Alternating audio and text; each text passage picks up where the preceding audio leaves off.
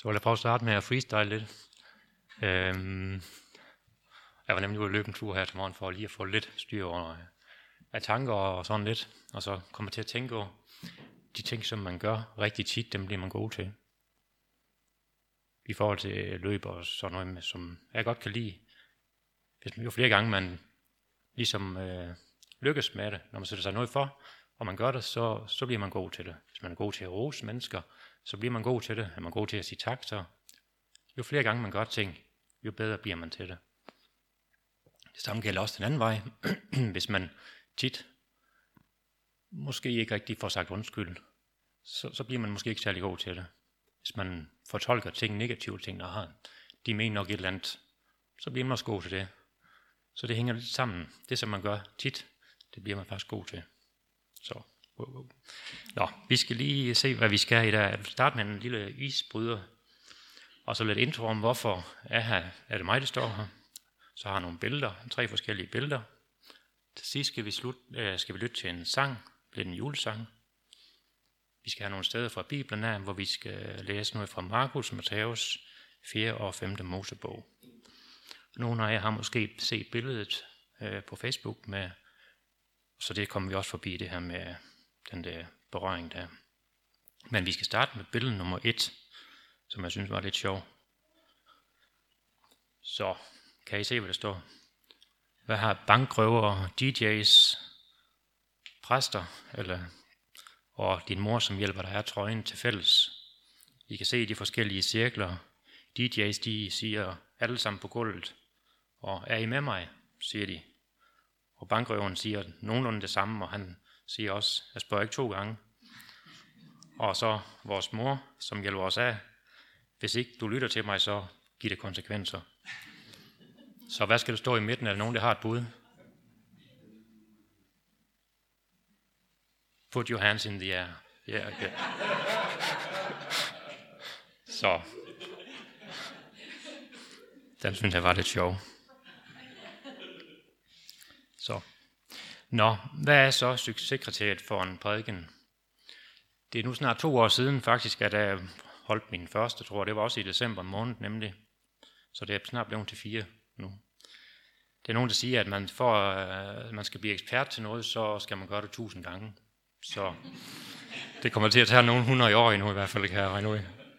Så I bliver nok nødt til at være over nogle gange med, eller jeg har i hvert fald masser at lære endnu, kan man også sige.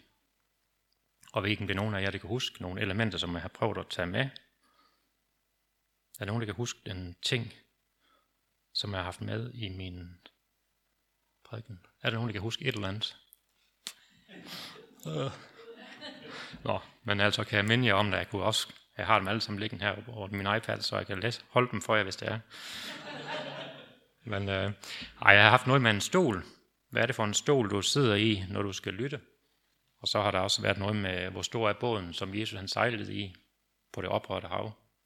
Og så noget med den elektriske strøm som et tegn på helligånden. Så hvis jeg kan være med til at skabe håb, så oplever jeg, at jeg lykkes. Det er i hvert fald en form for succes i, mit, i min verden. Jeg er meget optaget af at lytte til visdomsord. Jeg elsker eftertænksomhed, og jeg elsker billeder. Øh, når, når jeg ved hjælp af billeder og ord og visdom kan få mig kan komme til at se ting i nye perspektiver, så kvæges min sjæl. Og man må bruge så gammelt ord. Kvæges min sjæl. Øhm, og en af de billeder, som jeg har haft i mine tanker på det seneste, er den her, som billede nummer to, som kommer på et tidspunkt. Den kom der, ja. Yes.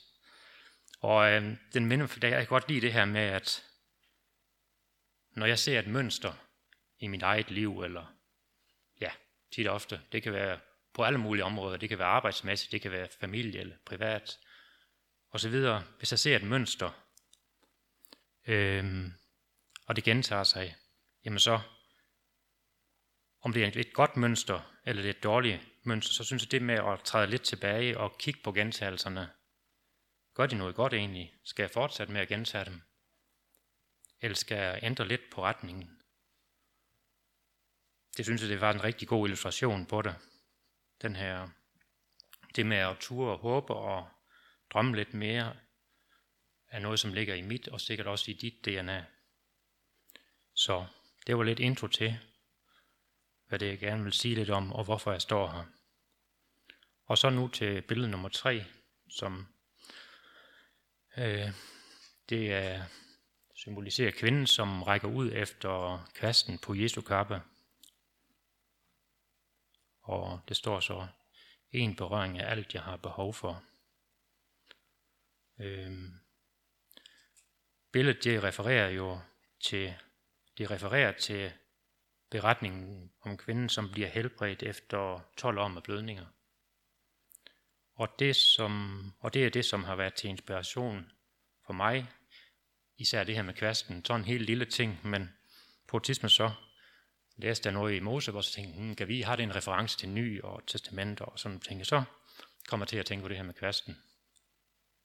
Så vi skal prøve at øh, læse lidt fra øh, Markus kapitel 5, vers 25 til 33. Og der står det sådan her. Mellem de mange mennesker var der en kvinde, som igennem 12 år havde lidt af vedvarende blødninger. I alle de år havde hun gennemgået meget hos forskellige læger, og selvom hun havde brugt alle sine penge i håb om at blive rask, var hendes tilstand ikke blevet bedre, tværtimod. Hun havde hørt, hvad folk fortalte om Jesus, og hun trængte sig nu frem gennem mængden for at nå hen til ham. Hvis bare jeg får rørt ved hans bedesjæl, bliver jeg helbredt, tænkte hun. Forsigtigt rørte hun bagfra ved sjælet. Straks dansede blødningerne, og hun kunne mærke, at hun var blevet rask. Jesus dansede op og vendte sig om, for han havde mærket, at en helbredende kraft var strømmet ud fra ham. Hvem var det, der rørte ved mit sjæl, spurgte han. Hele mængden masser jo ind på dig, indvendte disciplene, og så spørger du, hvem, hvem rørte ved dig? Hvem har rørt ved dig? Jesus blev imidlertid stående og så sig omkring for at få øje på den, der havde gjort det. Den forskrækkede kvinde kom frem. Hun rystede af sindsbevægelse, for hun vidste jo, hvad det var sket. Det var mig, sagde hun, og faldt på knæ foran ham. Og så fortalte hun det hele. Det står også et andet sted, det står lidt om kvinden i øh, uh, Matthæus. Det er i kapitel 9, vers 18-22. Og den beretning er så hægtet sammen med en pige, som bliver oprejst fra de døde. Jairus datter, tror vi også kender den som. som den læser jeg lige så. Mens Jesus talte, kom en af byens ledende mænd hen til ham faldt på knæ foran ham og sagde, min, min datter er lige død, men hvis du kommer og lægger hænderne på hende, vil hun blive levende igen. Jesus og disciplene rejste sig og gik med ham. Undervejs skete det imidlertid, at der kom en kvinde bagfra og rørte ved kasten på Jesu bedestjærle. Hun havde lidt af vedvarende blødninger i 12 år, og hun tænkte, hvis bare jeg får rørt ved hans sjæl, bliver jeg helbredt. Jesus vendte sig om og sagde til hende, Vær ved godt mod, min ven. Din tro har reddet dig. Fra det øjeblik var kvinden rask. Så for at analysere lidt, så det, som jeg har hæftet mig af ved, er som sagt kvasten. Og hvad har den at sige? Sådan en lille ting. Men det er altså det, der har vagt min interesse. Der er nogle forskellige personer med i beretningen. Dem vil jeg komme ind over.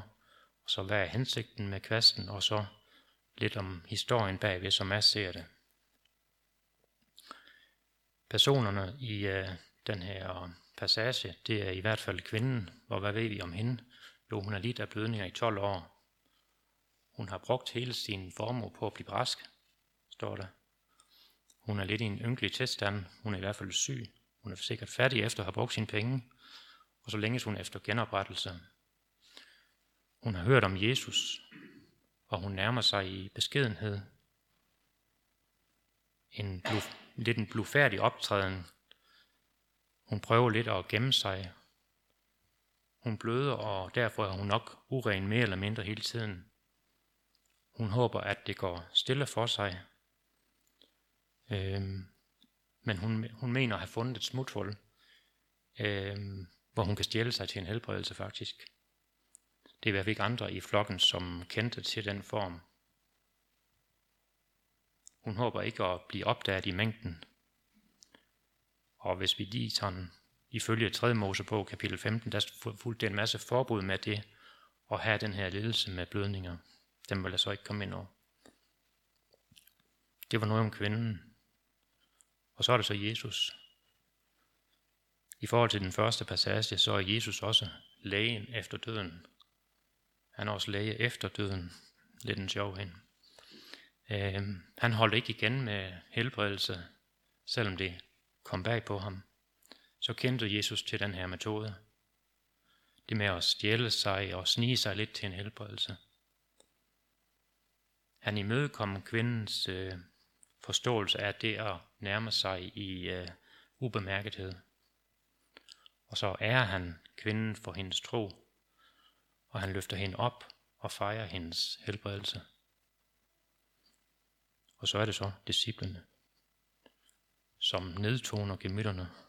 Der er der ikke sket noget mirakel. Det er der bare tilfældigheder. Så ja.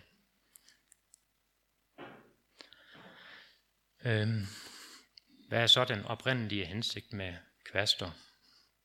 Der skal vi se, I, I læs i 4. Mosebog, kapitel 15, og vers 37 til, til 40. Herren sagde til Moses, Sig til Israels folk, at de fremover fra slægt til slægt skal gøre det til en værne at sætte kvaster i hjørnerne af deres kapper. Kvasterne skal syes i med purpurtråd. Hensigten med denne ordning er at minde jer selv om at følge mine befalinger. Hver gang I får øje på kvasten, skal I tænke på at adlyde mig, i stedet for at adlyde jeres egne lyster og indskydelser, som I har så let ved at gøre. Når I ser kvasten, skal I rette jeres indre blik på mig, så I kommer til at ligne mig i hellighed. For jeg er Herren jeres Gud, der førte jer ud af Ægyptens land. Ja, jeg er Herren jeres Gud. Og så lige en helt lille kort en. I 5. Mosebog 22, 12, der står der med, at du skal sy kvaster i alle fire hjørner af dit bedesjal. Så, så meget om kvaster. Hensigten med dem er i hvert fald, at vi skal blive mindet om at følge Guds befalinger. Vi skal adlyde, øh, adlyde mig, siger Gud, i stedet, i stedet for jeres egen lyst og indskydelse, som I så let ved. Vi skal rette vores indre blik på mig, siger Gud, altså vores tanker og vores indre forståelse, så vi kommer til at ligne Gud. Om kvinden kendte til den her betydning af kvasten, det kan jeg ikke rigtig finde ud af.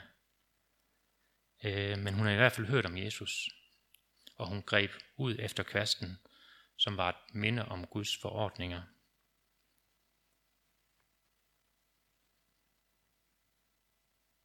Ja. Et andet sted, det står noget om kvaster, det er i forbindelse med farisæerne. Og de kendte i hvert fald noget til kvaster og bedesjæl. Det kunne være, at jeg lige skulle have noget til,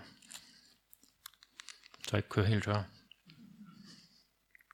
Øhm, der står det i øh, uh, Matthæus kapitel 23, vers 1-5, hvor Jesus han advarer mod farisæernes opfattelse af det med kvaster. Og der står der, Derpå sagde Jesus henvendt til folkemængden og til sine disciple. De skriftlærte og farisæerne har påtaget sig rollen som fortolker af Toraen.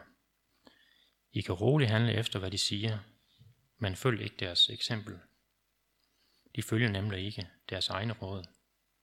De lægger tunge byrder på menneskers skuldre, men er ikke villige til at bære de samme byrder. Alt hvad de gør, gør de for at blive lagt mærke til. De gør deres bederemme ekstra brede og kvasterne på deres bedestjerner ekstra store. Så en lille sjov bemærkning, som i forhold til det her med opdragelse. Nu til der, så kender vi godt vores, det der med forældre og børn. Børn gør ikke, hvad forældrene siger, men de følger deres eksempler. Men her der er det faktisk lige modsat. At Jesus han siger, at vi skal gøre, som de siger, men vi skal ikke følge deres eksempel. Og det er faktisk ikke ret let at lade sig overbevise af ord uden handling. Det synes jeg ikke. Nå. Det står her, at, det står her, at de gjorde deres bederemme ekstra brede, og de forstørrer kvasten på bedesjallet. Og det blev nok lidt mere til, se mig. Og det er det, Jesus han advarer imod. Ens kappe og ens sjæl kan være et symbol på, hvor smukt man kan klæde sig. Og ud fra det, hvor godt man tager sig ud, at andre de får øje på en og ser, hvor smuk og from jeg er. Det er jo i hvert fald den måde, som fraisererne fortolkede forordningen med kvasten og bedestjælet. Og det var den forkerte måde at praktisere det på. Guds hensigt var nemlig, at når man kiggede på sin kappe og fik øje på kvasten, så skulle man blive mindet om Guds forordninger, om at adlyde Gud, i stedet for at blive optaget af sig selv. Det er det, kvasten skal minde os om. Farisæerne de havde altså misforstået det, at når de kiggede på deres kvaster, gjorde de dem ekstra store, så det i stedet var dem, som menneske man blev optaget af. Det står, at de yndede at få opmærksomhed af mennesker. De ønskede at blive set i deres fine klæder, og hvor smukt de kunne klæde sig. De ønskede at lægge byrder på andre, men de ville ikke selv efterleve dem. Ja. Så skriver vi så 2023 nu. Hvordan ser kvaster ud i dag? Hvad minder, øh, hvad minder mig om Guds forordninger og hans hellighed? Og jeg har virkelig spekuleret på det. Har jeg noget på mig, øh, som jeg bærer synligt, som minder mig om Guds forordning? Nogle beklædningsdeler, det må jeg nok sige, det har jeg ikke. Øh, så har jeg spekuleret, kan vide, hvad det er. Hvordan finder en reference nu til deres? Øh, og jeg er nået frem til lidt, at det, som minder mig om Guds forordning, det er hans ord i form af Bibelen. Der, der er til gengæld alle Guds forordninger samlet på et sted. Jesus, han er opfyldelsen af Guds forordninger. Og i samråd med Guds ånd er vi endda øh, ekstra godt udstyret i det hellige ønsker at lægge sin vejledning ind over, så vi kan opleve, hvad sandheden er i enhver situation. Tak. Og det er jo øh, virkelig et smukt billede, og en virkelighed, vi igen og igen må minde hinanden om. Så en lille opsummering. Hvad griber jeg fat i, når jeg oplever områder i mit liv som bløder? Kan jeg genkende mig selv i kvinden? Det med at føle sig blufærdig, uren, uønsket, uvelkommen. Ikke håber at blive opdaget. På trods af de forskellige følelser, tør jeg gå til handling, blive lidt rationel, bevæge mig ud i mængden, og på min egen måde gribe ud efter kvasten. På trods af, at jeg har blevet, øh, oplevet at blive skuffet, måske har brugt hele min formue, tør jeg stadig gribe rationelt ud efter lægedom. Tør jeg blive ved. Om nogle få minutter, så stopper jeg slutter skal vi lytte til en sang. Og jeg tænkte nogle af de refleksioner, man kunne tage med sig, mens vi lytter, det er, hvilken lønkammertradition har du, eller længes du efter, som du gerne vil fortælle hele verden om? fik I den. Hvilken lønkammertradition har du eller længes du efter, som du faktisk godt vil være stolt af at fortælle om? Hvilken nummer to kunne være, hvilken hviledags tradition sådan træder jeg ud af hamsterhjulet, apropos sidste søndag, som du gerne vil fortælle om, som du er stolt af, som du kan mærke, hey, den her, den giver mig virkelig noget. Den har du kæmpet for. Og den sidste, det var en af Guds øh, forordninger omhandler det med, at vi skal ikke begære vores næste hus, ejendel osv.